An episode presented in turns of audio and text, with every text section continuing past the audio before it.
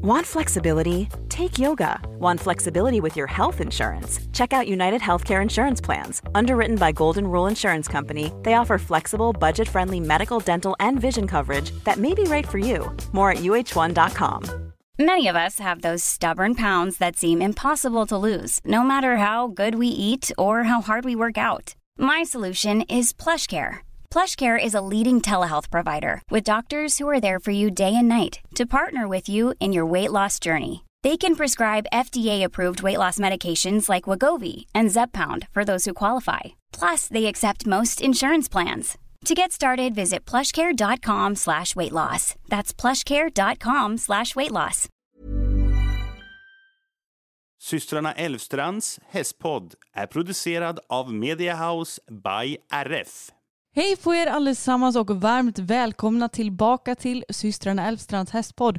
Och nu är det dags för avsnitt 81. Äntligen ett vanligt avsnitt. Nu har vi haft två stycken icke-vanliga avsnitt på raden och jag har haft så många grejer uppskrivna i min mobil som jag velat prata om. Ja, känner du att du vill köra igång på en gång eller? Ja, men väldigt gärna.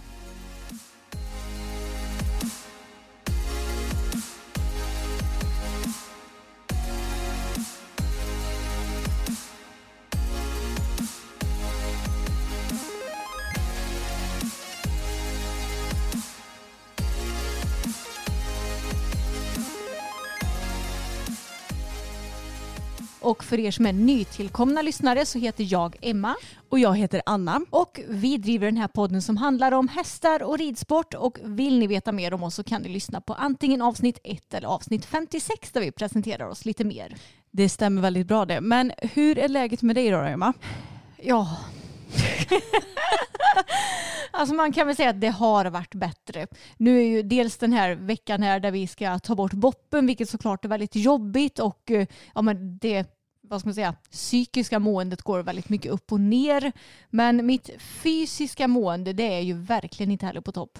Nej men alltså hur är det med öva sedan förra veckans avramling? Ah, nej alltså på riktigt det är typ ingen skillnad alls. Jag har nog lika ont nu som jag hade ja, men när vi spelade in för en vecka sedan och det har ju alltså gått tio dagar sedan nu eh, innan, eller sen jag åkte av Bella och slog i röven. Ja, ja, förlåt jag menar för två veckor sedan blir det ju snart. Ja, precis. Nej, alltså jag, jag vet inte riktigt vad det är med mig. Jag har ju såklart eh, hobby googlat lite grann och ställt en hobbydiagnos på mig själv. Jaha. Och jag tror att jag har skadat en muskel som heter coccygeus ursäkta uttalet, det kan vara fel, men eh, som ska sitta typ runt omkring svanskotan typ i bäckenet.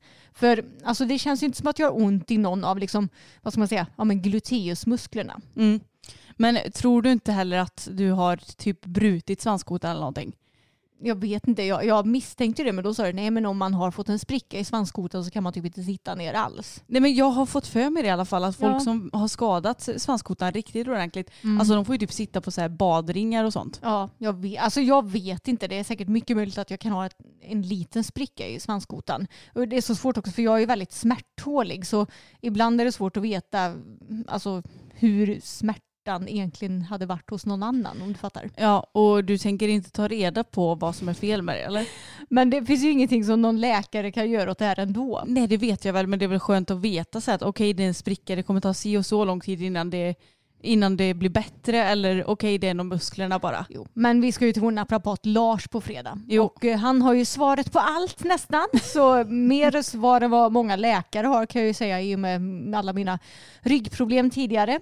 Så jag tänkte kolla lite med honom vad han tror. Han som inte bara är hobby, hobbymänniska på det här. Nej men precis han är, han är ju väldigt duktig så att det, det räcker säkert. Ja, men den här muskeln som jag tror att jag har skadat då, den sitter ju typ vid svanskotan, alltså i bäckenet. Och eh, alltså om man ska tänka hur vart jag har ont någonstans, alltså tänk liksom verkligen i röven, så här, mellan där skinkorna delar sig i den här springan, alltså tänk rätt in. Mm. Eh, ganska högt upp och sen så har jag haft lite ondare till vänster. Vilket också är logiskt för den här muskeln den ser nästan lite ut som en fjäril. Mm. Eh, Så jag tror att jag, den är mer skadad på den vänstra fjärilssidan. Ja för det var där du landade eller? Jag tror det. Eh, alltså det, det, här, det går inget vidare och jag har ju egentligen tänkt starta Ballet Pay and Jump i helgen, 90 och en meter. Mm. Men jag får se hur det blir med det. Jag kommer nog definitivt inte våga mig på att hoppa en meter i alla fall. Varför inte? Men för att jag kan ju knappt rida ordentligt. Men då borde du inte våga starta 90 heller. Jo men det är ju lite lägre. Alltså jag tänker, ska jag starta en meter? Jag har liksom inte varit ute med henne på snart ett år nu. Så jag, ska jag starta en meter vill jag ju ha, alltså vara fräsch i min egen kropp så jag kan rida ordentligt. Jo, det förstår jag.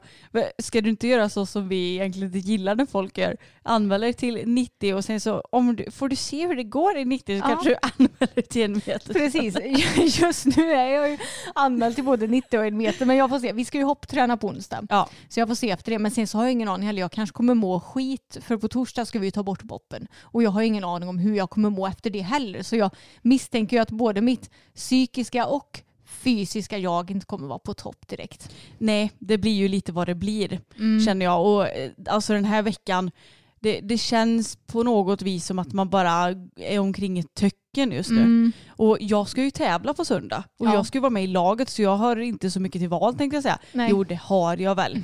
Men jag tror också på något vis att det är bra att ha saker planerade så här efteråt. Jo, precis det tror jag också. Och ironiskt nog så har vi ju, alltså vi har ju jättemycket jobb nu hela september. Mm. Eh, Så mycket jobb som vi har nu har vi inte haft på jätte- jättelänge. Och eh, det är ju lite ironiskt men samtidigt som du säger det kanske är bra att ha något att distrahera sig med och som gör att eh, liksom, livet måste gå vidare. Eller man ska säga. Ja men jag tänker att man tvingas ju lite till det och det, det, man hanterar väl saker olika men jag tror att det är bra för oss i alla fall. Ja men det tror jag också. Jag tror att det är bra för de flesta i och för sig.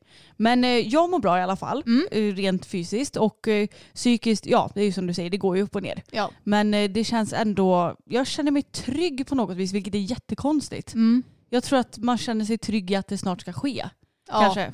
Trygg i beslutet också Ja. kanske. Precis. Och vi gillar ju verkligen Husaby som vi ska åka till och ja men det känns bra ändå. Mm. Vilket ju är märkligt men det är också väldigt skönt för det hade ju inte varit så kul att, att känna att nej men det här känns åt helvete. Nej exakt. Så det känns ändå väldigt skönt. Men vi måste ju såklart fortsätta det här avsnittet med en uppdatering med pappa och fölet. Står det något föl hos oss nu? Nej, Nej. inte än. Men vi får väl se hur det blir med den saken. Ja, alltså han är ju så rolig va.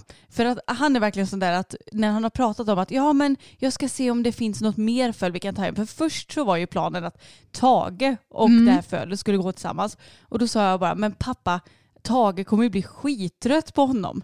Han kommer vara jättepå och lekfull och visst Tage är ju ganska lekfull men han är också en gamling som inte kanske riktigt har Mm. den energin längre. Nej, så då sa pappa att ja men då ska jag se om jag får tag på något mer föl. Farsan kanske har något Ja, föl. precis. Det, det sa han till mig på riktigt, typ dagen efter eller samma dag som förra poddavsnittet spela, eller släpptes. Så kom han fram till mig, mig och bara, ah, jag har kommit på en idé nu Emma. Jag ska kolla om farsan har något föl så vi kan ta hit. Då kan vi ha två föl här. Så Och nu är det kände- inte bara ett föl utan nu har han planerat två föl ska gå här. Ja, och jag kände bara hur många hästar ska vi ha på gården Mm. egentligen? Nej, men då kom jag faktiskt med ett litet förslag till honom och vi Mm. har ju en, alltså det är ju inte granne, men han bor kanske Någon kilometer. någon, ja, någon kilometer ifrån dig. Eh, och han har ju hästar och brukar också ha föl. Och då sa jag, varför kan du inte kolla med honom då om han har något Mm. föl så kan eh, ridskolans föl gå där. Ja, för pappa känner ju honom också. Mm. Ja, de har ju gret med mycket, mycket tillsammans med Mm. så här hö och grejer. Så att det är ju inte någon främling och ja, han verkar ju ha bra koll på hästarna och sådär. Mm. Så att det hade säkert funkat jättebra. Och det verkar som att han ändå var lite med på den planen. Ja, så vi får se lite var det landar i. Mm, För, för jag är ju sån här att alltså jag orkar inte riktigt med att ha massa hästar här på gården och pappa är så här att ja men det är mitt beslut och det är jag som bestämmer det och ja absolut han kan väl få bestämma det om han vill men jag känner också lite att det kommer ju vara du och jag som får ta hand om det till Jo, största del. Precis, för det är ju vi som, vi som har hand om hästarna här på Mm. gården. Han är ju här ganska så sällan och vad ska man säga, tar hand om hästarna och rider och sådär. Vem vet? Ifall det hade stått föl här så hade han kanske varit här betydligt mer. Ja, men jag sa det till honom, om du ska ta hit föl då får du faktiskt mocka mycket mer än vad du gör nu. Ja. Han mockar ju aldrig, det är om Nej. vi är iväg. Mm. Annars så mockar han ju aldrig, aldrig, aldrig. Och Nej. Det är väl lite så att det ska väl inte han behöva göra heller. Men, men, och nu menar inte jag att ja, pappa hjälper aldrig till, jag är inte gnällig för det. Men jag menar bara att ska han ta hit hästar då får han ju faktiskt Ja, göra lite mer också. det är skillnad på när vi tar hit hästar som vi vill ha här. Då får ju vi ta hand om dem själva. Men Ja. när pappa om han nu kommer göra det, ta hit en häst, då får ju faktiskt han ta hand om den hästen. Ja, då får han hjälpa till lite mer än vad han gör just nu i alla fall. Så det var dagens pappauppdatering och det bästa är att vi kan prata hur mycket som helst som pappa i podden. För han lyssnar inte på podden så vi kan säga precis vad vi vill och han har ingen aning. Alltså vi hade kunnat säga värsta myterna om honom. Mm. Han hade ju inte haft någon aning om vad vi sitter och snackar om. Nej. Men eh, han har ju faktiskt hjälpt mig i veckan också. Ja. Eller i helgen. Precis. För du har varit iväg på lite semester. Ja, och jag måste bara dra en liten eh, rövanekdot då. För, Ja. ja. Ja, jag och Jalle var i Varberg och eh, lite i Falkenberg nu i helgen på några dagars semester, vilket var väldigt mysigt. Eh, men så var vi i Falkenberg och så hade vi varit ute på eh, ja, men bryggan vid strandbaden. Och sen så skulle vi gå tillbaks och eh, då fick jag för mig att jag skulle hoppa ner från bryggan till eh, alltså stranden. Och jag kan säga att det här är inget stort hopp. Det kanske var 70 centimeter, alltså väldigt, väldigt lite. Mm. Och jag tänkte så här, nu ska jag landa och böja på knäna så, där, så att man avlastar lite. Men det var ingen bra idé. För aj, aj, aj vad ont jag fick i röven efter det kan jag säga. Ja det var inte smart. Alltså man kan Mm. ju, det, man måste ju inte hoppa. Man kan ju välja att gå Jo. på asfalten. Jag vet och det gjorde ju inte jag för att jag tänkte ta en liten genväg. Men då fick jag svinont i röven. Jag hade inte haft så ont i röven innan men det, då kände jag fan varför gjorde jag det här? Och eh, sen så skulle vi ju bovla direkt efter det också. Mm. Och då kände jag att aj, aj, aj det här borde jag inte göra heller för det gjorde svinont så här varje gång jag skulle slå klotet för att då, ja, men då behöver man ju verkligen använda sina rumpmuskler. Och eftersom jag är högerhänt så blir det också att jag tar spjärn med vänsterbenet vilket gör min onda sida dessutom. Eh, Men sen så är jag också en sån fruktansvärd tävlingsmänniska. Så jag kunde ju liksom inte låta Gälle vinna utan då var det bara att ställa om fokus, ändra lite på min teknik så att jag typ sköt kloten lite långsammare, tog inte ut rörelserna lika mycket. Så jag, jag vann ju då till slut. Eh, Och det, jag kunde bovla relativt bra. Ja men hade du samma vikt på klotet som du brukar ha? Ja, Ja du hade det ändå? mm, det hade jag. Jag tyckte det var lättare. Ja du provade dig fram lite. Mm, jag hade provat både lite lättare klot och lite tyngre. Men har, har jag lite tyngre då har jag inte riktigt möjlighet att liksom skjuta på så mycket själva rörelsen. Nej alltså då måste man ju ta i med röven mer också. Mm, så det, det passar ändå ganska bra. Mm. Eh, Så jag kunde spela hyfsat som vanligt. Men nu efteråt då, eftersom jag förra veckan inte tränade någonting på gym så har jag fått sån jävla träningsverk i min vänstra skinka och det går ju ner i låret också. Så alltså jag är så stel idag. När vi skulle rida förut idag, Anna, alltså jag kom knappt upp i sadeln. Dels på grund av ja, men min rövverk från avramlingen och dels på grund av mitt extremt stela vänsterben. Då. Ja men varför sitter du inte upp på höger sida då? Ja, men herregud Anna. Du gör aldrig det va? Jag, har gjort, jag gjorde det nyss på Tage någon gång för han är så liten så han räcker att slänga över benen på. Typ. Alltså jag gör det ganska regelbundet och jag vet att det var någon gång som jag gjorde en YouTube-video och det var någon som bara du sitter upp på fel sida. Så här blev lite, inte upprörd men du fattar vad jag menar. Ja. Men jag försöker att göra det. Alltså visst det blir ju kanske 80% från vänster Mm. sida och 20% från höger. Mm. Men det är ju bra för att hästen blir ju lite sned annars och det är ju Mm. bra för en själv också för att Jo. man blir ju helt okoordinerad. Ja men alltså jag är så jävla okoordinerad. Mm. Det är därför jag, jag vågar typ inte sitta upp på höger sida för att jag tror typ inte att jag ska kunna få över vänsterbenet och liksom landa ordentligt i sadeln. Ah. Sen så, våra hästar är ju jättesnälla att sitta upp på så det är egentligen inga bekymmer.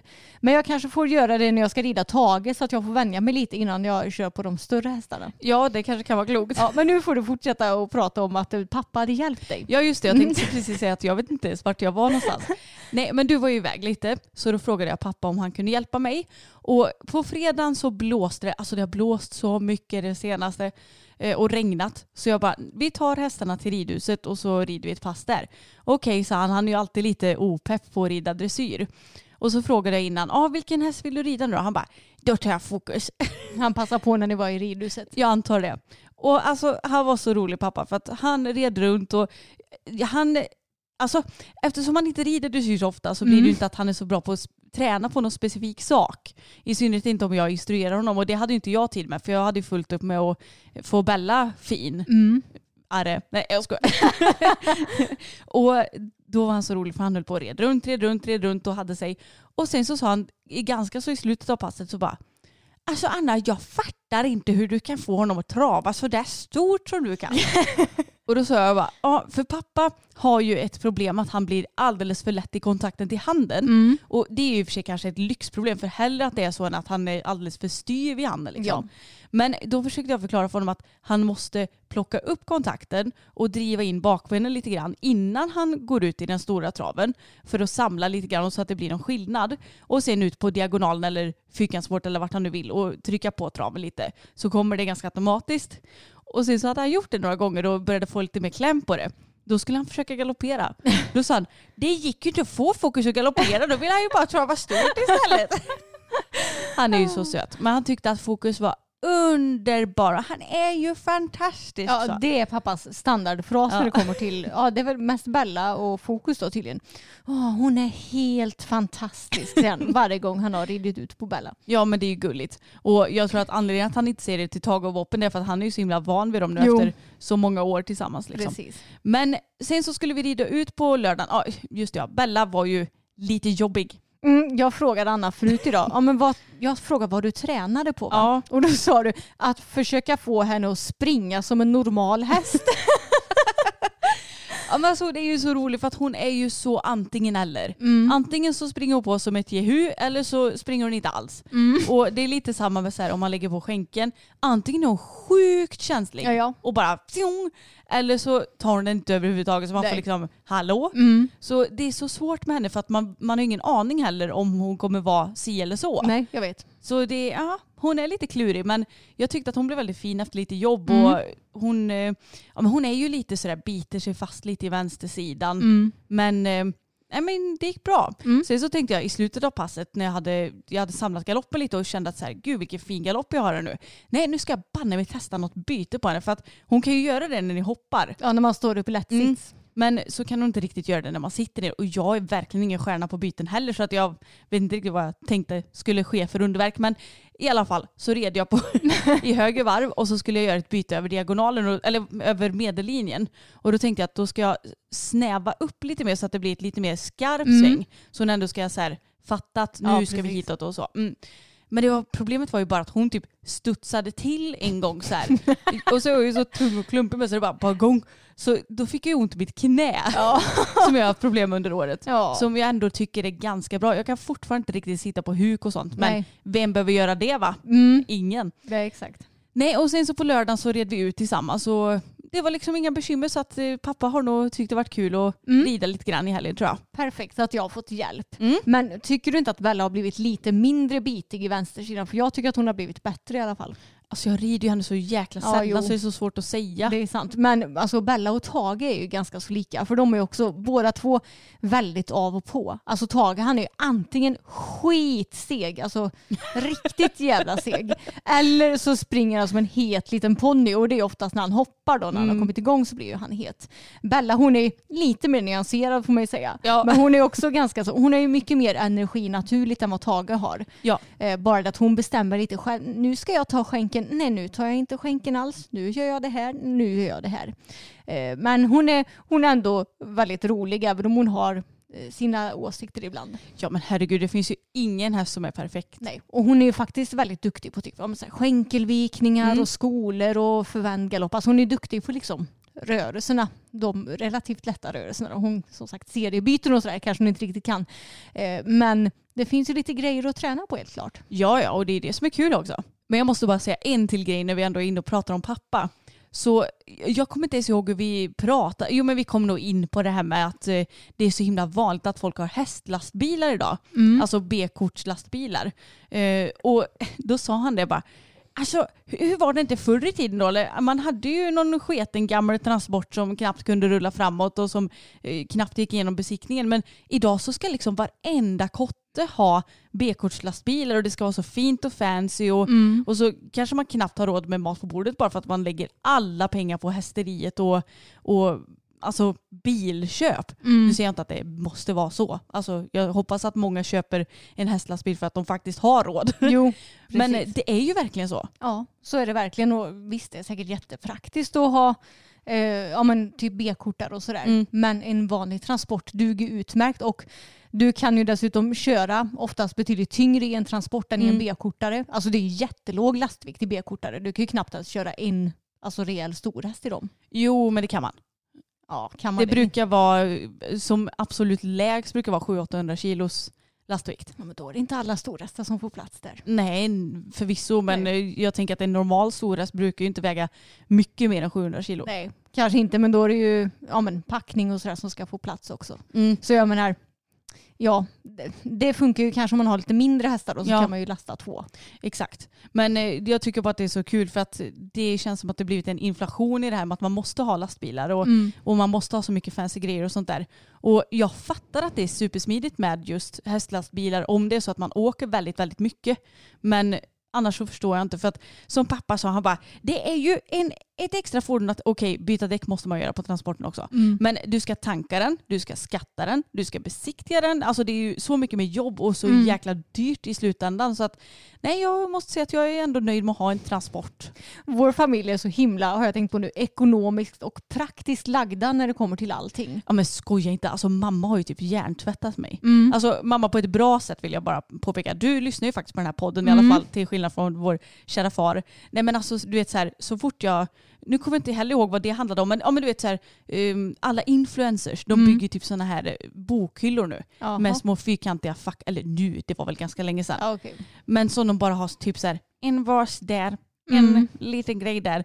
Och det enda jag kan tänka är bara, fy fan vad tråkigt att damma ur den. Mm. Det är verkligen typiskt mamma. Hon bara, det är opraktiskt att städa så jag har blivit färgad av henne.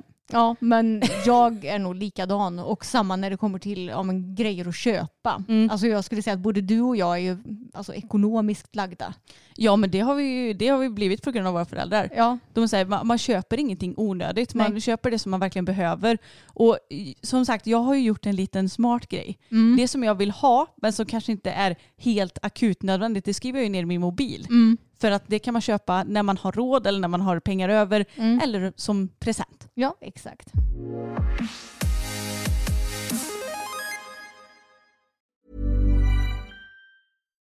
Here's a cool fact a crocodile can't stick out its tongue.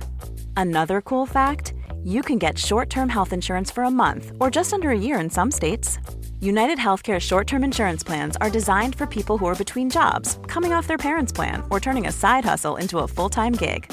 Underwritten by Golden Rule Insurance Company, they offer flexible, budget friendly coverage with access to a nationwide network of doctors and hospitals. Get more cool facts about United Healthcare short term plans at uh1.com. Many of us have those stubborn pounds that seem impossible to lose, no matter how good we eat or how hard we work out. My solution is PlushCare.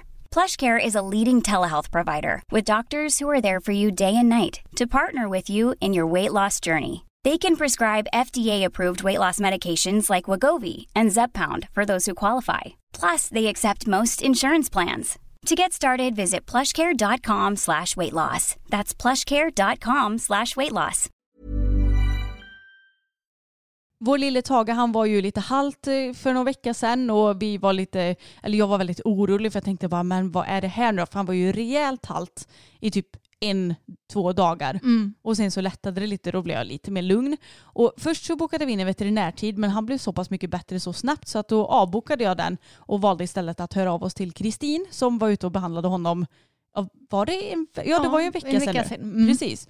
Eh, och eh, det var en sträckning. Mm. Han hade råkat sträcka sin lilla skinka. Ja, precis. Och det var ju det som vi trodde för vi, alltså, när, nu har vi haft hästar så pass länge så att, eh, och de har haft diverse skador om man säger så. Ja. Så vi brukar kunna se lite, ja men nu sitter det nog längre ner, nu sitter det högre upp och vi var ju ganska så säkra på att det här satt högre upp. Men någon som inte var så säker på det, alltså nu, det här är podden om Hans Elfstrand, det var ju då pappa. För han tror ju då att allt, alltså så fort hästarna blir halt, det är en hoböld. Ja, det är en hoböld. Alltså varenda gång det är något litet så tror han att det är hobölder. Mm. Varje gång, det Ja. slår aldrig fel. Nej, och eh, när vi sa att vi, ja men typ först att vi hade bokat in veterinärtid och sen att vi hade bokat in Kristina han bara nej, men det är en hovböld, det är ingen idé och bla bla bla. Ja. Alltså, det han, läker ut av sig själv. ja, precis. Alltså, han, är, han är så skeptisk till oss och han litar ju inte på att vi har minsta lilla koll heller. Nej, och jag tyckte så här, alltså ibland är det ju ganska svårt att se vart hältan sitter. I synnerhet om den är lite diffus, då har ju inte jag någon aning Nej. om vart det sitter. Men nu var jag ändå så pass halt och jag tyckte lite att Ja, men jag jämförde med mig själv och jag har ju haft ont i foten någon gång. Då vågar man ju knappt sätta ner foten utan man verkligen knixar till så här och, så haltar man till lite fort. Men nu tyckte jag att Tage han så här, satte ner hoven ordentligt och kände så här, att ja men här kan jag nog ställa ner hoven. Och så han verkligen belastade hoven men man såg att han försökte avlasta högre upp tyckte jag. Det var en helt annan form av knixighet i steget på honom. Precis. Så då tänkte jag att det här måste vara högre upp. Jag tror från knä och uppåt någonstans. Ja, Och mycket riktigt, det satt ju en ja, sträckning i skinkan. precis. Men tror du inte att pappa tänker så här för att vi har haft så himla många hovböldor på hästar? Säkert. Och för att han kanske lite hoppas på det för att det oftast är en enkel grej som de blir bra från. exakt. Sen kan det ju också bli operation och hela det kitet. Men det är ju Precis. inte så ofta det händer kanske. Nej, man kanske hellre vill ha en muskelsträckning än en hovböld i alla fall känner jag. Ja, jag känner också det. Så det var ju ändå en bra hälta kan man säga. Och jag ska rida igång honom. Ja, jag tänkte nog imorgon, onsdag, ska jag börja rida lite. Och sen får vi se lite. Jag, jag tänker att det får bli lite som det blir. Är jag helt knäckt så eh, kanske jag inte orkar rida så mycket mer den här veckan. Nej. Vi får se lite liksom. Men eh, tanken är att han ska igång igen i alla fall. Och jag är taggad för jag sa det bara, jag saknar att rida Tage. Ja. Det var skitlänge sedan jag red honom nu. Ja, för du har vet. ju ridit honom mycket nu eftersom du skulle tävlat och så. Men sen blev det ju inte så. Där. Nej. Men det känns skönt att han är fräsch i alla fall. Och jag håller på att massera honom nu med lite arnika för att hjälpa hans lilla rumpestump. Så ja, snart är han fit for fight igen. Vi pratade ju lite om, var det förra eller förrförra avsnittet? När Förr, förra måste det vara Ja. va? eh, om vilka ja, men, låga krav folk verkar ha på typ så här, toppryttarna när det kommer till ja, men, horsemanship och ridning och allt vad det nu är. Ja, alltså allt. Vi pratade ju om det. Dels när Patrik inte kunde ställa upp i OS för att hans häst blev halt. Så var folk såhär, gud vad bra att inte ställde upp. Trots att han inte hade kunnat hur mycket han hade velat. Om hästen är halt så går han inte igenom Nej. veterinärbesiktningen. Liksom. Och sen så var det det här med att han eh, tävlade SM på träns och vann. Och då, alltså jag snubblade över en kommentar. Jag såg den också. Så skrev, jag blev nästan tårögd av att han red på träns. Jag bara, Alltså vad ska folk börja gråta över idag? Åh, hästen springer rakt fram. Åh gud, ja, hästen får äta ett grässtrå. Ja. Åh gud, den där hästen får borstas idag. Ja. Alltså vad, vad har folk för krav? Ja, folk verkar ha så lå- låga krav på våra toppryttare och eh, jag snubblade in på Katrin Dufours Instagram och såg också en väldigt, eh, alltså en kommentar som just blew my mind eller man ska säga. Hon la upp en bild på ja, men Bohemian efter OS och eh, han går ut i en liten grushage. Alltså jag har ju sett bilder på hennes Instagram hur hennes hästar går och de går ju i ja, men små grushagar som är typ lika lite som en sjukhage enligt mig. Håller du med? Lite större men Mm. Ja. knappt. De kan ju absolut inte liksom galoppera och sådär. Ordentligt. det kan ju i och för sig de för de kan ju galoppera runt i en piruett. Ja men man brukar ju säga att hästar ska ha så stora hagar att de kan galoppera liksom alltså rätt. Eh, Ja men komma upp i hastighet. Komma kom upp i en ordentlig hastighet och inte Mm. behöva liksom vända med en gång. Eller Mm. säga. Det kan de inte göra där kan jag säga. Nej och inget gräs eller sådär. Sen, gräs det, det känner jag det är klart att det kan inte alla hästar gå på. Speciellt inte de som eh, alltså ska tävla på högsta nivå för de måste ändå hålla sig fit. Men jag tycker ändå att alla hästar borde kunna gå i tillräckligt stora hagar och eh, ja, men gå ute och ha en ordentlig utevistelse. Liksom. Ja det är ju våran önskan i alla fall. Ja, och de går ju själva också i de här små hagarna. Men, eh, och sen så såg jag på hennes story att de går ute typ ja, men mellan så här 8 till 12, alltså så här på förmiddagen. Ja och visst byts de av. Jag, tror, jag tyckte mig se att det stod det typ att Mm. eh, vissa går mellan det och det och andra går mellan det och det typ. Ja, precis. Ja. Så det är en hästhållning som inte du och jag kanske är så stort fan av kan man ju säga. Nej men precis. Men då, då såg jag en eh, kommentar på hennes Instagram då. Other than the fact that you're a total star, one of the reasons I follow you is that your horses get time and space to be just a horse. Och sen också typ your horsemanship is amazing. Alltså, alltså jag, jag blir typ irriterad av att läsa sådana här kommentarer. Så hon menar att åh, nu har hästen kommit hem från OS och det första du gör är att släppa den i en grusrut. Nej men typ att, att eh, hästen får vara häst. Ja. Alltså det tycker ju verkligen inte jag. Alltså det är inte det som jag skulle säga är att en häst får vara häst. Nej, och alltså, nu fattar jag att alla hästar kan inte leva som vildhästar. Det hade ju Mm. varit lite konstigt och alla kanske inte har mark till det och bla bla bla. Mm. Men att säga att en häst får lov att vara häst när den går ensam i en grusruta, det är inte att vara häst. Nej, exakt. Inte enligt mig i alla fall. Nej, och så pass få timmar om dagen också. Mm. Nej men alltså folk har så låga krav så jag blir typ irriterad. Alltså det kommer ju aldrig bli någon förändring i sporten om det är sånt här som ska hyllas. Nej, jag håller verkligen med. Och det, det finns ju betydligt eh, alltså bättre förebilder, typ ja, men Carl Hester och Charlotte Jardin. De Mm. har ju sina hästar i en betydligt trevligare hästhållning och där får de ju dessutom gå ut i gräshagar tillsammans med varandra. Och ja, jag vet inte. Jag, jag förstår inte varför man inte hyllar kanske sånt mer istället då än det här. Nej men eller hur, och jag tror jag fick se något litet filmklipp på Allan när han kom hem från OS också. Mm. Och han fick ju gå ut i en gräshage direkt och såg hur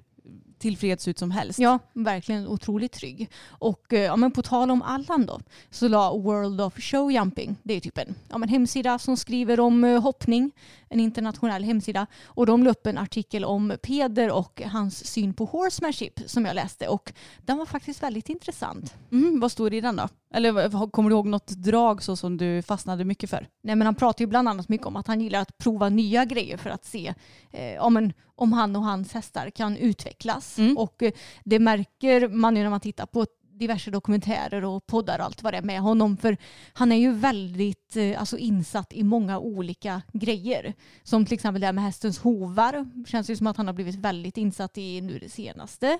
Och eh, även utrustning och sådär. Jag vet att det var i någon dokumentär så sa väl han att han bytte stigläder regelbundet för att det skulle fortsätta vara svikt i det.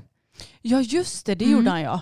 För att han gillade nya stigläder för att de var lite mer sviktande än gamla va? Ja, precis. Och Gamla att- uthöjda. Ja, exakt. då att det skulle ja, men göra skillnad för att det skulle bli lättare för hästarna att hoppa och sådär. Och han berättar i den här artikeln att ja, men just nu så går de flesta eh, av hans hästar med skor eh, när de tävlar på gräs och sådär. Men eh, många av hästarna de har ja, men varit helt barfota när de har tävlat. Och sen så vet jag också att han, eh, han anpassar ju alltså, vad ska man säga, hovdelen väldigt mycket till hästarna och hur det kommer passa på respektive tävling och sådär. Och han säger att det är väldigt individuellt det här med vad som passar hästarna. Mm. Men är det inte så också när han tävlar på fiber så gillar han att ha barfota. Ja, Och tävlar han på gräs så gillar han att ha skor så att han kan ha broddar i. jo men precis. Ja.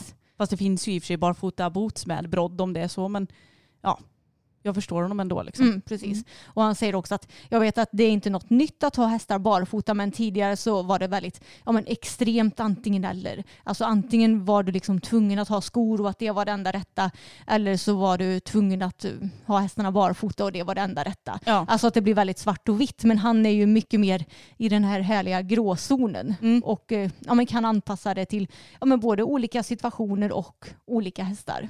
Ja, men alltså, vi får ju extremt mycket frågor just kring det här med hur vi väljer att sko våra hästar. Och där tror jag att folk är väldigt svartvita för de är sådär att ja men ni hade ju hästarna helt barfota ett tag och varför har ni inte det längre? Och hur kommer det sig att Bella inte har barfota bak? Och, Mm. och folk blir så himla så här insnöade att vi en gång har haft dem helt barfota.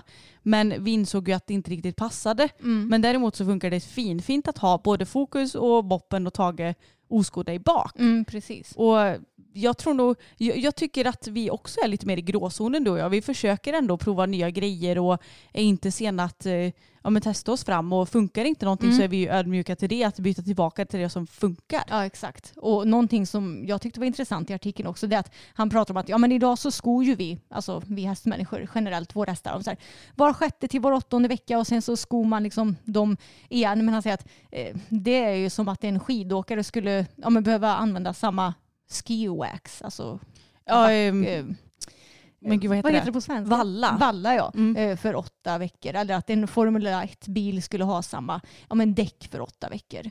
Och eh, det är faktiskt sant. Och jag tänker att det är väl säkert mycket för vår bekvämlighet att vi har det så här. Men för hästarnas skull så kanske det hade varit eh, alltså bättre att göra på lite annat sätt. Ja, du, du tänker att det hade varit bättre med oftare och eh, inte göra lika mycket då? Ja, precis. Och Mm. jag menar, för oss eh, alltså hobbyryttare och amatörer, vi skulle ju aldrig ha råd att hålla på så här som Peder gör. Nej. Att han, nu har jag hästarna barfota den här veckan och nu tar vi på skor och nu har jag någon så här specialsko och eh, jättedyra barfotaskor och allt vad det kan vara. Nej, precis. Men eh, ska man tävla alltså, på toppen av sporten som Peder gör så tror jag ju absolut att hans sätt verkar ju vara optimalt.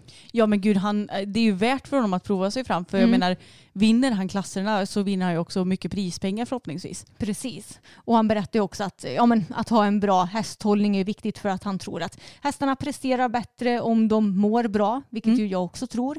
Och han säger att eh, eh, ja, men, nu den senaste tiden så har han börjat ha hästarna ute ja, men, två och två tillsammans, vilket han inte har haft tidigare. Och han säger att de rör sig mer naturligt och eh, ja, men att de känns väl mer tillfreds eller vad man ska säga och att de kan klia varandra och eh, ja, men umgås med varandra.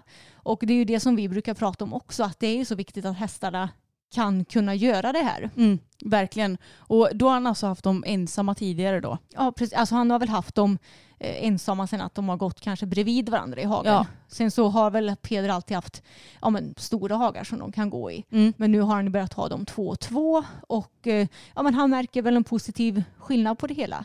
Och han säger att det är bra för både deras hjärnor och kroppar och att det också betyder att ja, men de kan vara ute även längre på dygnet då för att det går åt färre hagar. Ja just det, det är också smart. Men eh, det blir ju så, det är det jag tänker också, att de rör sig mer om de är flera stycken. För jag menar, är en häst ensam, det, det är ju som jag, om jag är själv så ligger ju jag bara i soffan. Nej men eh, jag menar det blir ju inte lika naturligt att de håller på och vandrar runt och Åh, vad gör den där borta och nu Mm. måste jag följa med den. Och det, det ser man ju på våra hästar. Ibland Ja. så tar ju någon täten och bara nu ska jag gå till andra hagen. Japp. Och då brukar ju de andra bara åh, ja men jag hakar på. Ja, exakt. Och han eh, säger att under vintern så är hästarna ute hela dagen i stora gräshagar. Mm. Eh, men på sommaren så är de ute så ett par timmar om dagen i en stor gräshage med mycket gräs och resten av dagen i ja, men, mindre hagar med mindre gräs. Och det är för att de ska hålla sig i form då. Ja, men det fattar man ju. Ja, och sen så avslutar han också med att prata om ja, men skador och han är inte orolig för att sina hästar ska skada sig i hagen nu när de går två och två. Eh, och det är mycket för att ja, men de går barfota och då blir det mindre risk för att ja, men de ska råka skada varandra eller att de ska råka halka. Varför, varför halkade Tage och sträckte skinkan då? Ja, precis. Nej, det gjorde han nog när det var väldigt blött tror jag. Ja, det är kul att ja, men sån här bra hästhållning får ja, men synas i en sån här ja, men bra artikel. Väldigt bra. Ja, och en så stor, på en så stor sida också, Ja. för det är många som läser där. Exakt, men eh, vi kan ju ta och länka artikeln på Instagram Mm. i vår poddhöjdpunkt så kan ni också få läsa den om ni vill. Nu har ju OS relativt nyligen avslutats och Paralympics pågår fortfarande tror jag. Mm. Men vi måste ju bara nämna det också. Roligt nog så har Louise Etzner Jakobsson tagit silvermedalj Mm. i dressyr. Så roligt ju. Ja, hon var ju jättenära en bronsmedalj också Mm. eh, på första tävlingen. Superkul och eh, vad jag förstod det som så bröt hon väl benet för typ sju veckor sedan. Mm. Eller vad det var. Så det var precis att hon kunde vara med ens en gång. Ja men det är helt sjukt. Både du och jag har ju brutit kroppsdelar. Mm. Och eh, det är liksom inte bara att ja, nu ska vi ha benet i gips i ja, men säg fem veckor. Sen när du har haft benet gips då har du ju typ tappat alla muskler så du måste träna upp det också. Ja, alltså jag kunde ju, jag, jag visste knappt om jag kunde stödja på min fot överhuvudtaget när jag, hade, när jag fått av mig gipset och allt sånt där. Så att det är ju en enorm prestation av henne. Verkligen, jag kan tänka mig att hon är ju säkert inte i så bra form som hon brukar vara. Och Nej. att då ändå kunna prestera så här bra, det är ju verkligen applåder. Verkligen. Och jag har inte tittat någonting på Paralympics faktiskt. Det, jag har inte haft tid ärligt talat. Inte jag heller. Vilket är tråkigt, men eh, det går ju att kika lite i efterhand säkert om, Mm. man, om man har lust att göra det. Men nu drar ju snart EM igång. Ja, så peppad och det är så skönt att det ändå är någonting kul att följa den här veckan som kommer vara jobbig för oss. Mm. Och eh, EM det pågår 1-5 september i Tyskland och vi kommer kolla på hoppning. Jag vet heller talat inte om det är EM i dressyr. Jo det är det också. Ja det är det såklart, men, Men jag, jag vet har- inte när det är. Nej, eh, och jag vet inte ens vilka ryttare som ska vara med i EM i dressyr. Inte jag heller. Nej. Men det är ju hoppningen som sagt som vi är intresserade av. Och eh, jag tycker det är kul för alltså, nu var ju OS så himla nyligen så de kan ju inte ha samma lag i OS som i EM för att det blir alldeles för tätt inpå och hästarna behöver återhämtning. Så jag kan tänka mig att det kommer bli ett intressant EM. Men vilka är det som ska vara med då? Emma? Nu får du spill the tea. I Det svenska laget kommer bestå av Angelica Augustsson Sanotelli på Kalinka van der Nachtigale. Eh, Rolf-Göran Bengtsson på Ermindo. Mm. Peder Fredriksson på Catch Me Not. Douglas Lindelöf på Casco Blue och sen Evelina Tovek, reserv. Ja men det kommer nog bli jättekul tror jag. Jag tror det med. Och jag kan tänka mig att ja, men både nu det här svenska laget, ingen av de här hästarna har ju tävlat ett mästerskap förut. Sen är det ju väldigt rutinerade ryttare som alla har tävlat mästerskap. Mm. Så jag tror, alltså, jag tror det kommer kunna gå riktigt bra för Sverige. Det tror jag också. Men visst var det länge sedan som Angelica Augustsson var med i alltså, Ja. något mästerskap så? Precis, hon eh, har ju fått några barn tror jag. Ja, tre tror jag. Ja, det är till och med tre va? Jag tror det. Så hon har ju varit eh, inte så himla aktiv men det är jättekul att hon är på gång nu igen. Ja. Hon är ju väldigt duktig och jag såg den här hästen när den var med i eh, Stockholm på Global Champions Tour. Den såg jättefin ut. Var det i år eller? Ja. ja. Kul! Ja men det ska bli så himla roligt att följa. Och jag har tyvärr inga sändningstider, jag brukar ju ha koll på det. men eh, Hipson, hallå, ni har inte lagt ut någonting? Nej, de Nej. har inte gjort det. Nej jag tror inte det, Nej. jag hittade inte det i alla fall. Men eh, vi kan ju skriva på Instagram om det är så att vi eh, hittar några tider eller så. Precis. Men jag tror det är SVT som ska sända va? Ja, det får vi hoppas på. De, de brukar ju, och de är ju bra på play och sådär också. Ja. Så det får vi verkligen hoppas på. Men, eh, ja, men det ska bli så himla spännande och jag menar Sverige har ju ett riktigt bra lag Mm. trots att ja, men, de bästa hästarna måste vila. Det är tur att vi har så många bra ryttare och hästar. Ja, och det känns ju också lite häftigt att nu får faktiskt Rolf-Göran vara med i detta Ja. laget för han var ju i reserv Mm. med, på OS med Ermindo. Precis. Och den hästen är så fin. Ja, jag älskar Ermindo. Mm. Och det, det är kul också för Douglas för han tackade ju nej till att vara med i OS Mm. som reserv. Så jättekul att eh, han är med i EM nu istället. Och, ja, jag tror det kommer bli bra. Och eh, grejen är att det är inte bara Sverige som har sina bästa hästar, vad ska man säga, borta. För jag menar, jag antar att eh, de hästarna som gick OS, oavsett vilket land det var, de kommer säkerligen inte tävla i EM. Nej, alltså jag vet inte hur det är i dressyren. De kanske, de var ju ändå en vecka eller två tidigare än hoppningen. Mm. Så de kanske har hunnit vila. Jag, jag har ingen aning, jag har ju ingen mästerskapshäst så jag vet inte hur lång tid de behöver vila och bla bla bla. Mm. Eh, Men de kanske kan hinna, vad vet jag. Ja. Men eh, ja, om det är någon som lyssnar på det här som vet när dressyren ska gå så får ni gärna kommentera det på vår senaste bild på Instagram. Mm. För eh, jag gillar att följa dressyren lite grann i alla fall. Ja, precis. Men det ska bli intressant att se eh, de andra lagen, vilka ryttare och hästar det kommer vara. Mm. Alltså det, jag tror ju som sagt inte att det kommer vara liksom, vad ska man säga, A-laget av ekipage som är här. Utan A-lagen var ju i OS. Mm. Så det ska bli intressant att se hur inom B-laget kommer att ta det här mästerskapet och hur svåra banorna och sådär kommer vara. Ja, så det har ju varit minst sagt knasigt nu när OS har varit och så blir det ett stort mästerskap Mm. igen här så tätt. Men det har ju varit vad det varit liksom. Precis. Som jag nämnde lite förut så har ju vädret inte varit sådär jätteroligt det senaste. Och vi försöker ju att blanda lite så att man ibland flyr till ridskolans ridhus och rider om det är riktigt dåligt väder. Men ibland så, ja, då tar vi tjuren vid hornen och rider i dåligt väder. För vem vet, ibland när man tävlar så kanske det kommer världens störtskur eller pissväder. Och då är det bra om hästarna och vi ryttare är vana vid det. Mm. Jag kan säga att Tage är ju inte asförtjust i regn. Han Nej. ställer sig gärna med stjärten emot. Ja, Bella hon är inte heller så förtjust. Speciellt precis när det kommer. Mm. Då brukar hon vilja försvara sig. Sen när eh, det har varit igång ett tag och hon har blivit riden i regnet en stund så tror jag att hon accepterar det lite bättre. Fokus bryr sig faktiskt ingenting. Det gör ju inte Boppen heller. Nej, så de kanske är lite mer lika då Ja. än vad tjurskallarna Tage och Bella är. Ja, verkligen. Men det var ju ett par veckor sedan som vi skulle rida. Och eh, vi såg ju att det såg lite så här molnigt ut på himlen och lite, Lite. lite Vad lurigt ut. kolsvart. lite lurigt. Och vi sa att vi lämnar mobilerna i stallet. Och tur var det, för det regnade ju inte när vi började rida.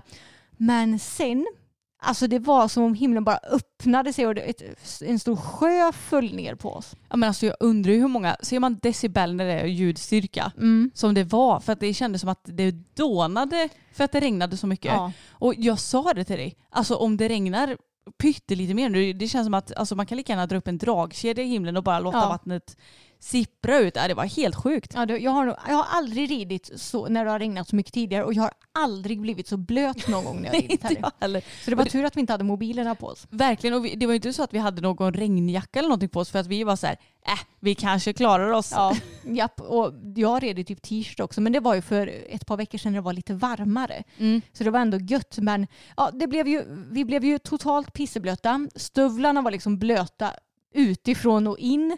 Våra underkläder var blöta. Men den här ridturen, it came to its price så att säga. Ja, alltså, jag måste bara säga innan vi nämner vad som hände.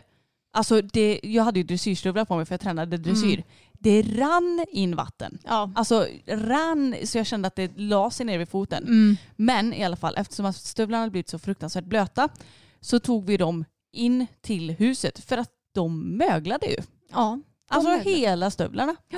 De var helt mögliga och eh, då insåg vi att oj, vi kanske borde ha typ fönat dem. Det roliga är att jag har retat Samuel lite för han köpte en sån här äh, skotork heter det va? Mm. Som man delar typ som en fön antar jag fast man bara sticker i stu- stövlarna tänkte jag säga. Ja det kan man väl också ha men Mm. skorna i. För att han jagar ju en del och så kan bli blöt om fötterna och tycker väl att det är smidigt om man ska upp dagen efter igen Mm. sen. Och det har varit lite såhär, ja den har du använt många gånger, han har använt det typ en gång. Ja. Men nu när jag berättar det här han bara, nu skulle du alltid vilja haft min skotork va? Ja. Bara, eh, ja kanske. Det, varför har du inte använt dig av den Anna? Nej men den är ju hemma, då orkar jag inte släppa hem stövlarna. Alltså, gud. Nej, så lesson learned. Eh, ifall ni ska rida när det regnar riktigt mycket ute, ta med er stövlarna in och typ föna dem eller torka dem på något vis med en gång så de inte möglar. Ja och kanske inte hänga upp dem på någon eh, handdukstork eller något för då kanske lädret går åt skogen. Men, ja. Så man får ju vara lite försiktig också, det är ju ändå läder. ja, ja, det är klurigt alltså. Det är Ja. tur att det var mina gamla sletna stövlar som blev drabbade. Ja, det var ju mina, en- mitt enda par dressyrstövlar tänkte jag säga som Mm. blev drabbade. Men jag tror också så här, har man ridit i ordentligt regn så får man försöka att torka torrt och försöka att torka dem inuti. Och sen så får man väl bara köra på med skokräm så brukar ju det gå ganska bra. Och med sadlar och träns och sånt, alltså vi försökte ju torka av det med en handduk och sen låta det lufttorka lite grann i sadelkammaren bara. Mm. Vi hängde inte på något sadelöverdrag eller någonting och det, ja, jag tycker ändå det brukar funka bra. Sen oljar vi ju alltid vid behov också.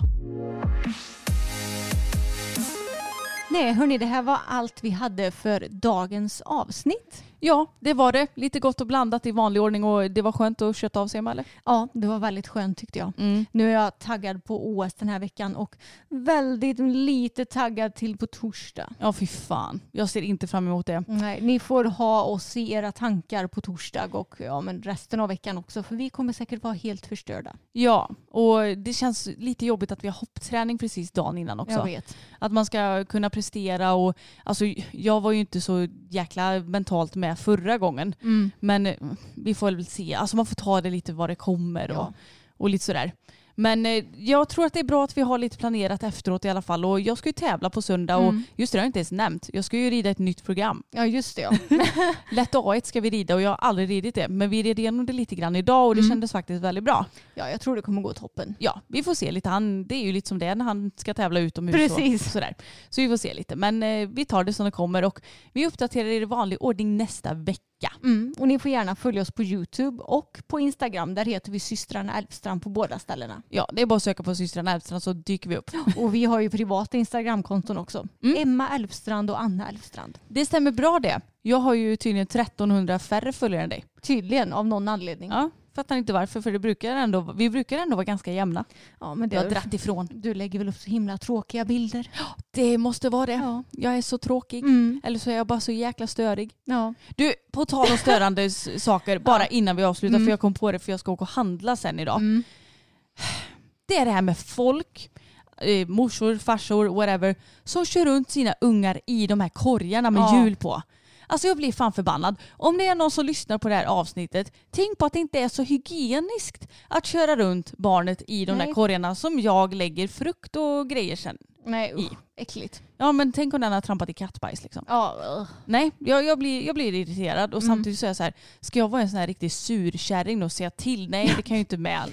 Så du får nämna det i din podd istället? Ja och så jag var så här, ska jag gå och leta upp någon personal nu och bara det här är inte okej. Nej. Men det finns ju en anledning till varför vagnarna har sån här barngrej mm. där de verkligen sitter med benen utanför vagnen tänker jag. Precis. Nej, jag. Så, nu har jag irriterat mig klart. Ha det bra hörni så hörs vi igen nästa vecka. Det gör vi. Hej då!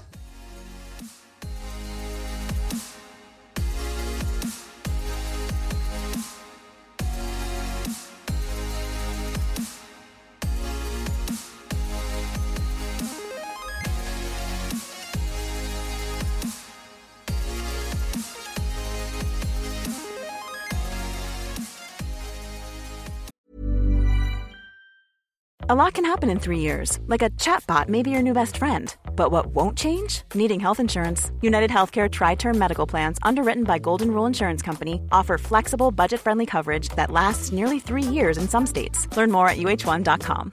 Imagine the softest sheets you've ever felt. Now imagine them getting even softer over time. That's what you'll feel with Bowl and Branch's organic cotton sheets. In a recent customer survey, 96% replied that Bowl and Branch sheets get softer with every wash. Start getting your best night's sleep in these sheets that get softer and softer for years to come. Try their sheets with a 30-night guarantee. Plus, get 15% off your first order at bowlandbranch.com. Code BUTTERY. Exclusions apply. See site for details.